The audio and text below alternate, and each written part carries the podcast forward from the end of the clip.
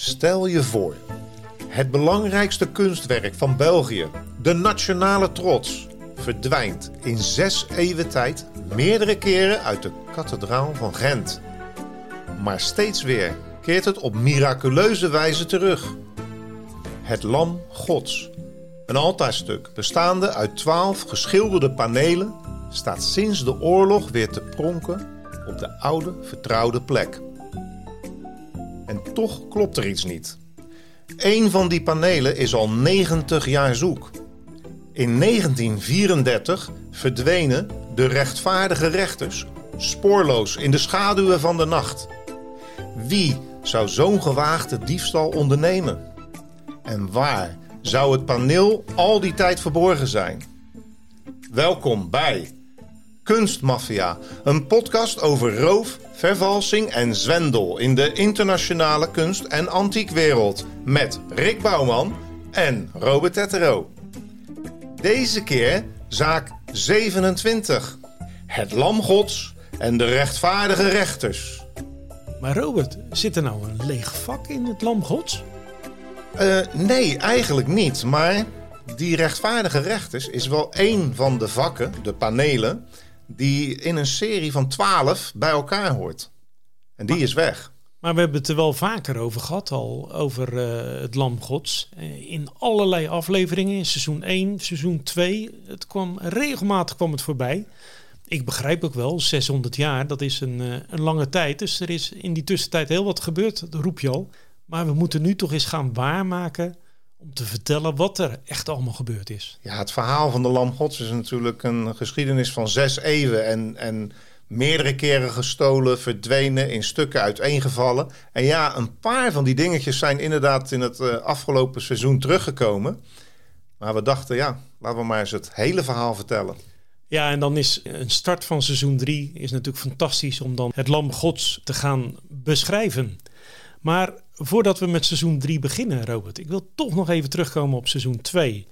Want we hebben zulke fantastisch mooie reacties gehad van zowel de mensen die aan het luisteren waren, maar ook onze adverteerder. VLC en partners, die hebben prachtige reacties gegeven en ook hele leuke complimenten gekregen van hun klanten. Dus ja, dat is natuurlijk heel leuk om, om te horen. Ja, vooral voor ons, hè, dat we een beetje ja, mee kunnen pronken. Laat eens wat horen. Een luisteraar die zei, dit is echt een favoriete podcast. Crime en kunst gecombineerd. Fantastisch. Helaas altijd te kort natuurlijk. Van mij mag die aflevering wel twee uur duren. Wat denk je daarvan, Robert? Nou, dat lijkt me wel een beetje vermoeiend. Maar, uh, en, en een hoop uh, schrijfwerk en researchwerk. Ja. ja, en dan was er ook eentje die zei... ja, geweldige podcastaflevering van jullie. En dan had hij het over de Monuments Man, een van onze laatste. Zoveel kunst en wat een verhaal. Dan zie je pas echt wat de waarde van kunst is. Ja, en soms uh, ook wat bruikbare tips. Zo kreeg ik bijvoorbeeld te horen dat mijn uitspraak Grieks niet zo heel goed was. En de klemtoon ergens anders moest liggen. Maar goed, dat nemen we mee. Want uh, ja, ik ben niet zo goed in mijn talen, Rick. En jij? Nou, laten we het uh, daar maar niet meer over hebben dan. Wij gaan gewoon door met uh, datgene wat we leuk vinden en wat ook heel boeiend is. Gezien het grote aantal luisteraars wat we steeds meer erbij krijgen. Nou, dat lijkt mij ook. Nou ben ik benieuwd, Rick. het Lam Gods, het gaat eraan komen. Vertel het verhaal maar. Ja, nou laten we dan even beginnen met het Lam Gods. Het, is gewoon een beroemd altaarstuk bestaande uit een middenstuk van vier panelen. En aan de zijkant zijn er dan acht zijpanelen, maar die zijn aan beide kanten beschilderd. Zowel geopend als gesloten vormt het dus een indrukwekkend geheel. Het is gemaakt trouwens door de gebroeders van Eyck. Bekend natuurlijk in België, maar ook in de rest van Europa en in de wereld inmiddels in 1432, 600 jaar geleden. En het wordt beschouwd als een van de grootste kunstwerken van de middeleeuwen. En ja, Robert, het is gemaakt voor de kathedraal van Gent in België, waar het tot op de dag van vandaag te bewonderen is. Ja, en ik heb het uh, gezien, Rick. Aantal jaren geleden ben ik daar binnen geweest, omdat ik uh, toen eigenlijk al dat verhaal zo fantastisch vond. Toen staan gluren naar de rechtvaardige rechters. Nou, daar komen we zo wel op terug. Maar die gebroeders van Eyck die stonden heel bekend om hun ongeëvenaarde aandacht voor detail. Zij waren het die voor allereerste keer olieverf gebruikten. Ja, dan zou je nu zeggen, dat is toch elke schilderij van geschilderd. Maar ja, het is ooit een keer natuurlijk voor de eerste keer geweest en zij deden dat. En daardoor werden de kleuren veel rijker en dieper. Maar ook de weergave van kleding en landschappen veel preciezer. Je moet er natuurlijk wel goed voor kunnen schilderen, toch? En het Lam God staat nu vooral bekend als de nationale schat van België. We hebben het al vaker gezegd, het is de nachtwacht van België. Wat voor ons de nachtwacht is, is uh, Lam Gods voor België. En het is een hoogtepunt in de Europese kunst. Hoe ziet het eruit, Rick? Kun je het beschrijven? Ja, nou, vanwege al die panelen is het goed om even aan te geven dat het centrale paneel, daar staat het lam dat bloedt in de heilige graal. Dat symboliseert het offer van Jezus voor de zonde van de mensheid. En op de panelen daarboven staat een hemelstaafreel met Christus, Maria en Johannes de Doper. En die zijn omringd door engelen en Adam en Eva, profeten, apostelen en heiligen. Maar de rechtvaardige rechters, dat is een van de zijpanelen en toont een groep bijbelse rechters te paard. Nou, het lijkt me dat je ongeveer de hele Bijbel wel hebt beschreven. En uh, nou ja, dat is het eigenlijk ook. Hè. Het staat niet voor niks in de kathedraal. En dan hangt het twee eeuwen lang vredig in de kathedraal. Maar in 1566 gaat het helemaal fout in Vlaanderen. Calvinisten vallen honderden katholieke kerken, kapellen, abdijen en kloosters binnen en slopen alles wat ze tegenkomen. Altaren, beelden, kansels, orgels en schilderijen. In Gent wordt de complete bibliotheek van het Dominicanen klooster in de leien gegooid, dat riviertje. De woedende menigte kan door die heuvel van boeken droogvoets het riviertje oversteken. De priesters verbergen het lam gods in de toren van de kathedraal en zo ontsnapt het kunstwerk aan de beeldenstorm, want daar heb ik het natuurlijk over. Pas in 1587 durft de bisschop het terug te plaatsen. Dan zijn we twee eeuwen later, Robert, in 1781. En dan bezoekt de Preutse keizer Jozef II, die van het Heilige Roomse Rijk, de kathedraal. Maar hij is geschokt door de naakte afbeelding van Adam en Eva. Ja, het is wat. Ja. Hoe kun je het je voorstellen? Ze staan er naakt op. Naakt op. Maar de priesters verwijderen daarom de twee panelen en geven deze in bewaring in een Brussels museum. Twintig jaar later leggen Franse republikeinen beslag op de vier middenpanelen en brengen dat als roofbuit naar Parijs. En de overgebleven panelen worden haastig verborgen op een geheime plek in het stadhuis van Gent. Het lam Gods, Robert, is in stukken uiteengevallen. Ja, en dan zijn we pas in 1781. Maar na de slag van Waterloo en de ondergang van Napoleon in 1815 komt koning Willem I aan de macht in de Verenigde Nederlanden. Het is de tijd dat Nederland, België en Luxemburg eigenlijk één koninkrijk waren. Hij geeft opdracht het gestolen middengedeelte op te sporen in Parijs en terug te brengen naar de Gentse kathedraal. Nu kunnen ook de zijpanelen natuurlijk terugkomen om het lam gods weer compleet te maken. Maar er gebeurt iets geks. Om onverklaarbare redenen verkoopt het kerkbestuur de zes zijpanelen voor een habbekrats van 3000 gulden aan een antiquair. Een heel rare zaak. En die verkoopt ze op zijn beurt aan een Engelse verzamelaar voor maar liefst 100.000 gulden. nou, dat is een, eh, een mooie winst in, eh, in korte tijd. 30 keer over de kop. Maar als we het dan toch over die bedragen hebben, niet lang daarna komen de panelen terecht in de privécollectie van de koning van Pruisen.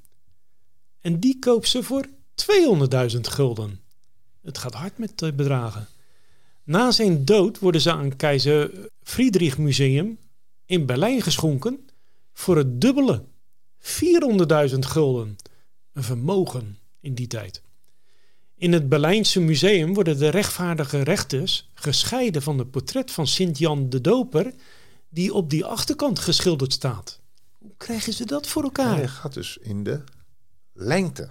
Van bovenaf. Van boven naar beneden in twee stukken. Men zaagt het paneel van bovenaf in twee stukken, op zeer kundige wijze trouwens, over de lengte midden door. En nu kunnen ze dus ook gelijktijdig geëxposeerd worden En ze zijn daar dan ook te zien tot na de Eerste Wereldoorlog.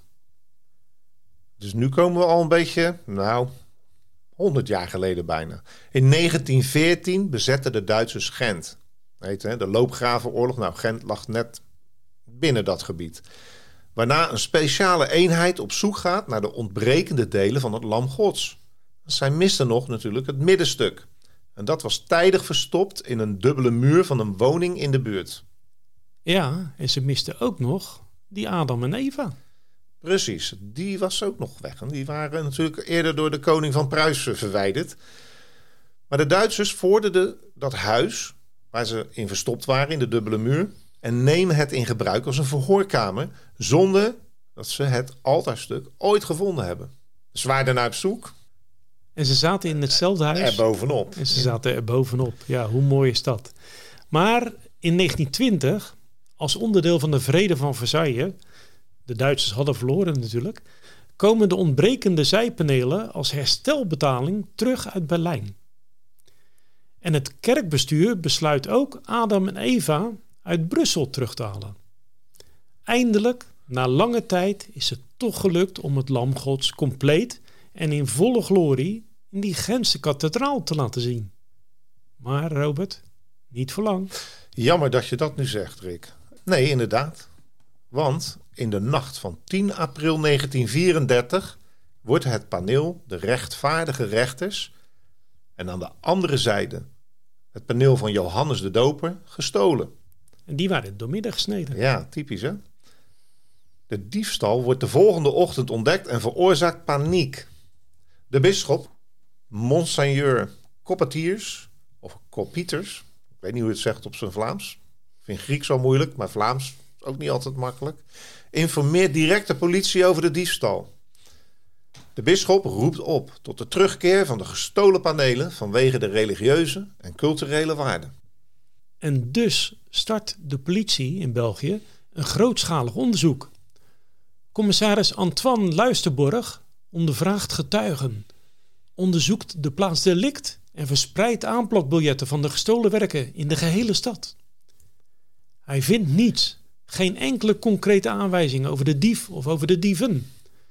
En zelfs een beloning in ruil tips leidt tot geen enkel bruikbaar spoor. Robert, de diefstal van de rechtvaardige rechters, groeit uit tot een van de meest beruchte mysteries in de kunstwereld.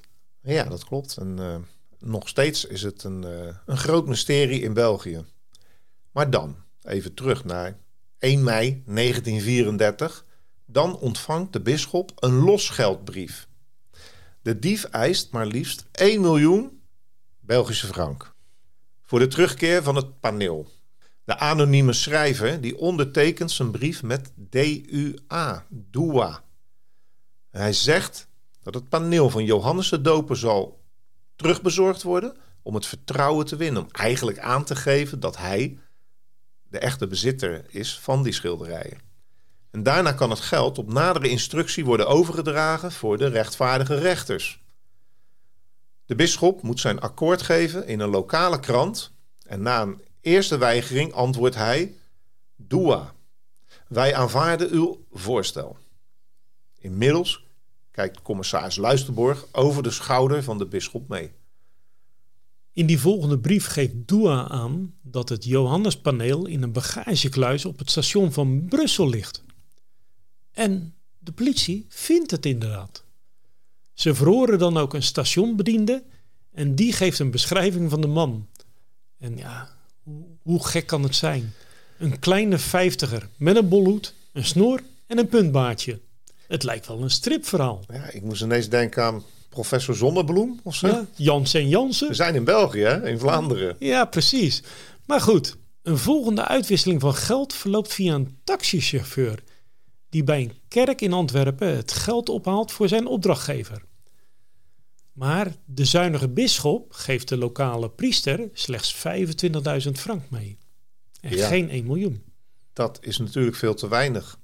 De politie, ja, niet echt doortastend, achterhaalt de taxichauffeur pas een maand later. Ja, dit is natuurlijk erg lang voor als je ja, getuigen hadden gezien dat de nummerplaat 22 aangeeft. Ja, ze eerst 21 wagens hebben nagekeken. Goed, het is natuurlijk jaren 30 een heel andere tijd als nu. Ze worden niets wijzer. Dua, die zegt te bemiddelen voor zijn baas, tussen aanhalingstekens, geeft in zijn laatste brief aan dat hij nu niets meer kan doen om de rechtvaardige rechters terug te laten komen. De politie en de bisschop denken slim bezig te zijn en hopen de dief aan het lijntje te houden. Maar het enige wat volgt is een hele lange stilte. Hebben ze hun hand soms overspeeld?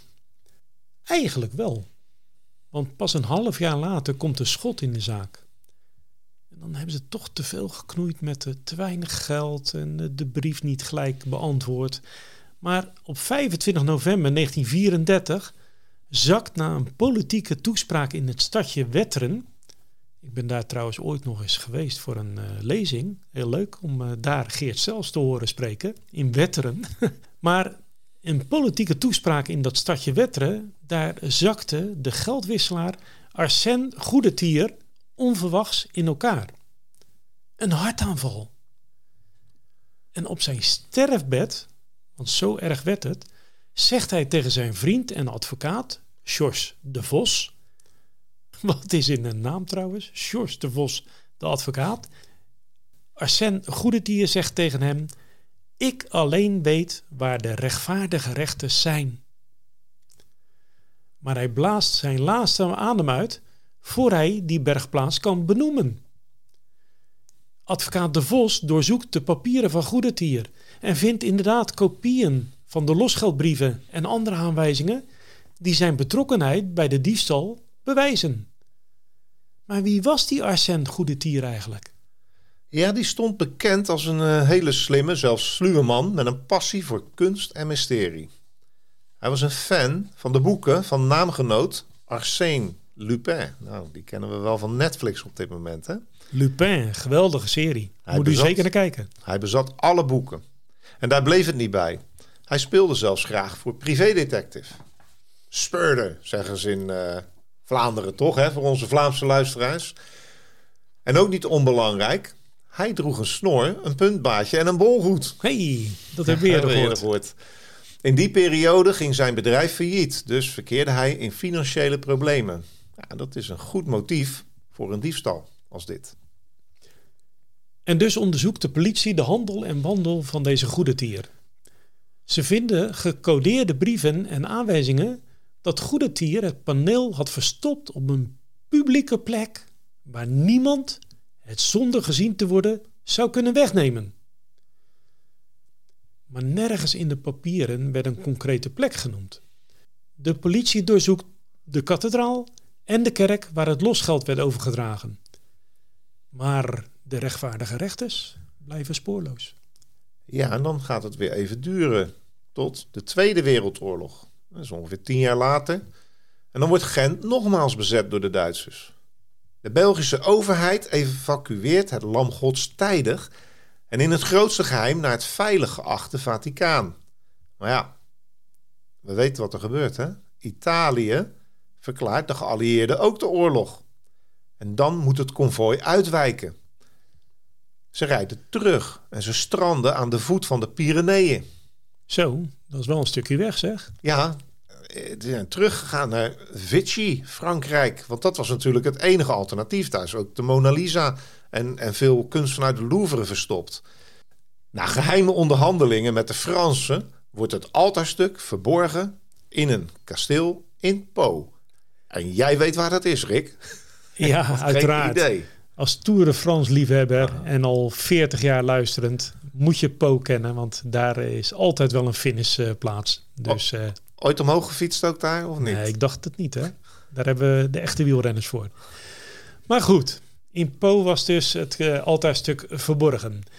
Maar de Duitse geheime dienst, Robert, komt echter op het spoor van de schuilplaats.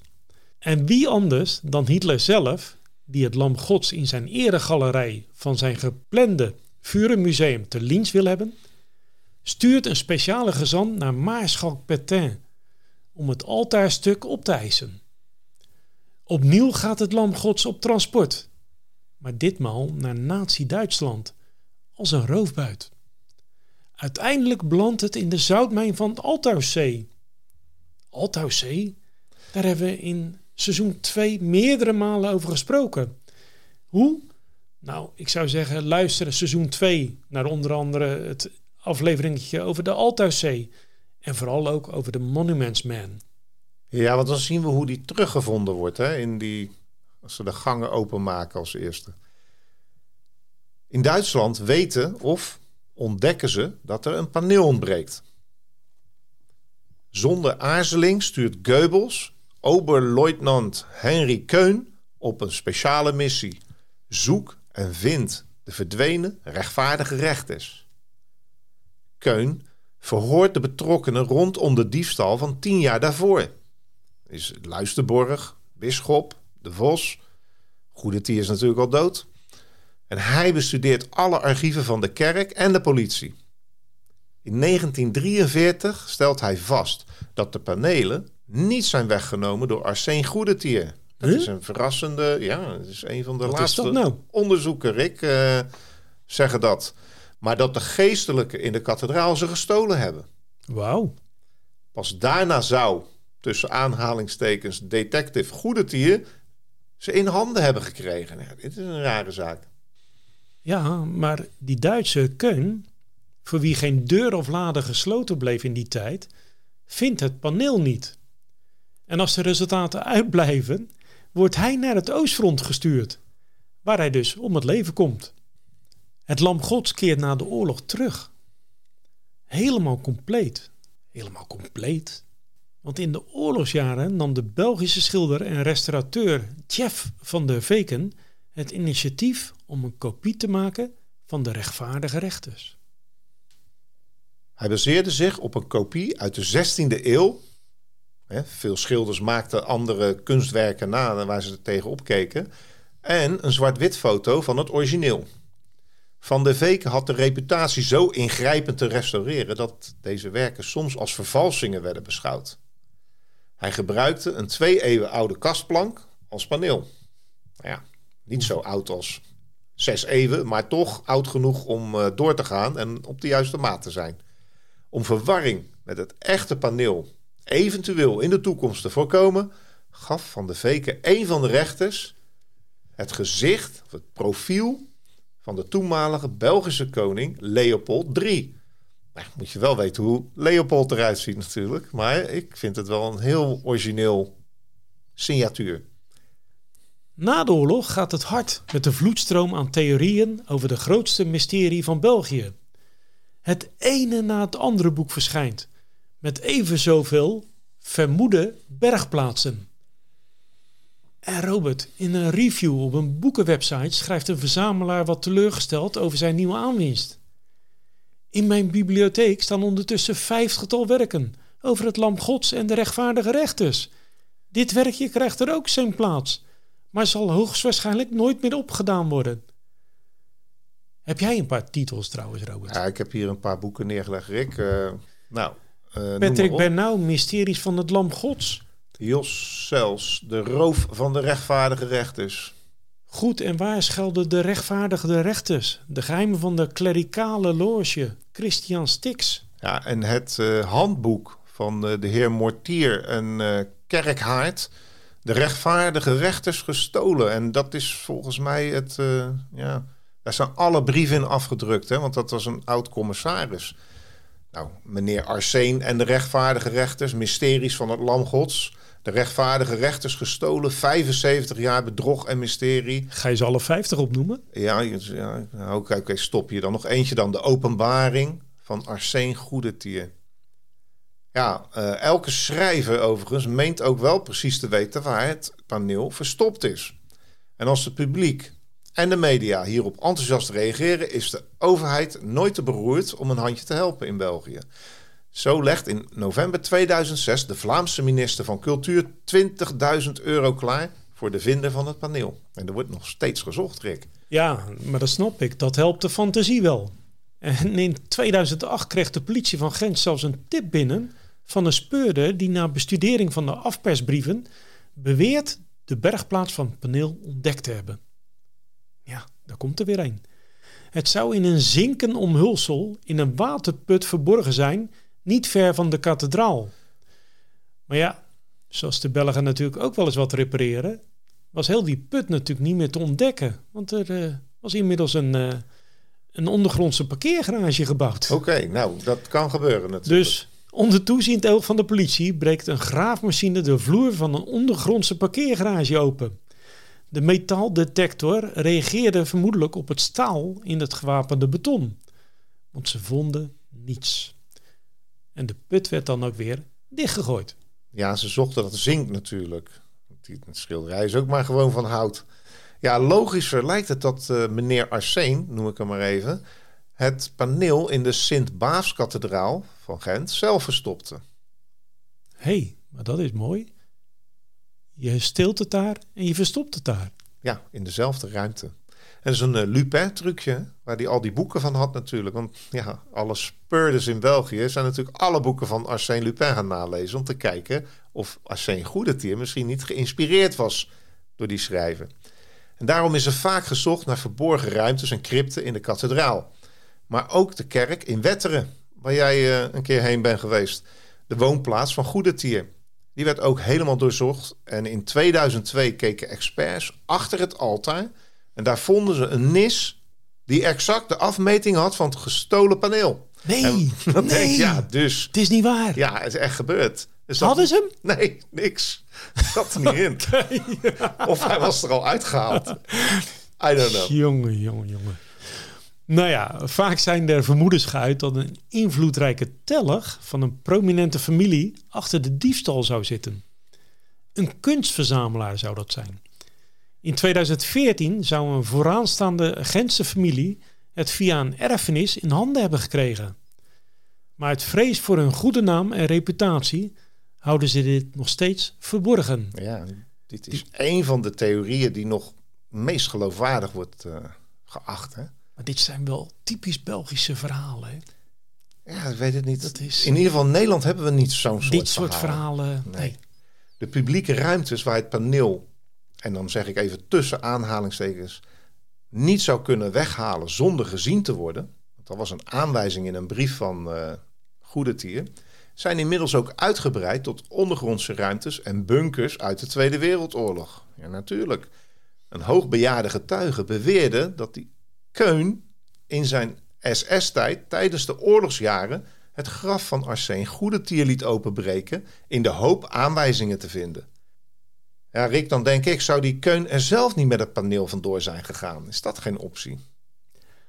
Nou, vrijwel iedereen is het er toch over eens dat Arsène Goedetiers de dief was.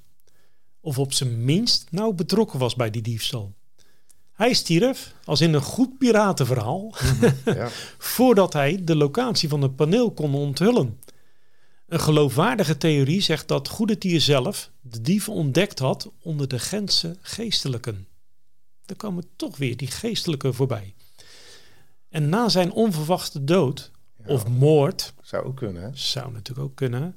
Was hij de ideale zondebok, deze Arsène Goedetier.